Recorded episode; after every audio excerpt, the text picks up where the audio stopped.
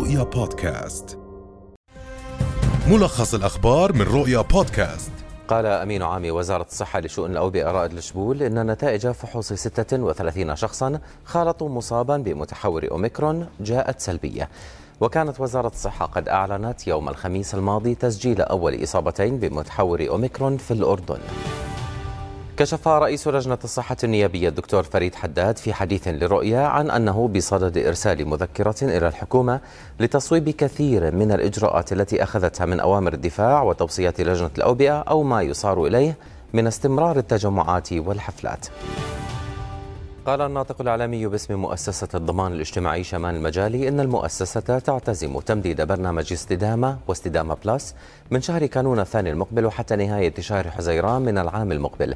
وأكد المجالي لرؤية أن المؤسسة بانتظار موافقة الحكومة لتعلن رسميا تمديد البرنامج مبينا أن الحكومة حددت ميزانية خاصة لتمديد البرنامج بمبلغ 30 مليون دينار.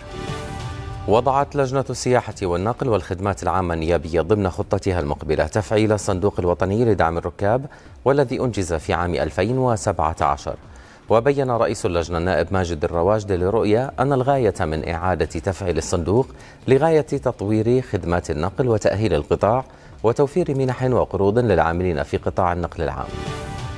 قال مدير عام دائرة ضريبة الدخل والمبيعات حسام أبو علي إن الدائرة تسعى إلى التوسع بخدماتها الإلكترونية لتشمل كافة الخدمات الضريبية بما فيها المراجعات والطلبات اليومية للتسهيل على المكلفين.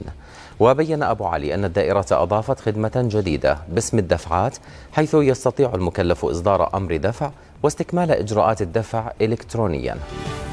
كشفت صحيفة هآرتس العبرية أن رئيس حكومة الاحتلال نفتالي بنت بصدد تقديم مخطط لبناء مستوطنات جديدة في الجولان السوري المحتل بهدف زيادة عدد المستوطنين في المنطقة حتى عام 2025 ويندرج مخطط بنت تحت إطار خطة شاملة تحت مسمى تشجيع نمو ديموغرافي ثابت في هضبة الجولان المحتلة. ستطرح قريبا على الحكومة الإسرائيلية للمصادقة عليها. اندلعت اشتباكات مسلحة صباح اليوم بين مقاتلي حركة طالبان وعصابة داعش الإرهابية جنوب شرق أفغانستان.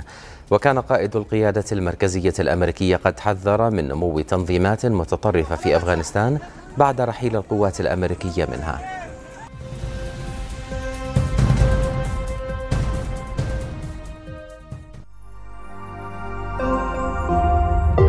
رؤيا بودكاست.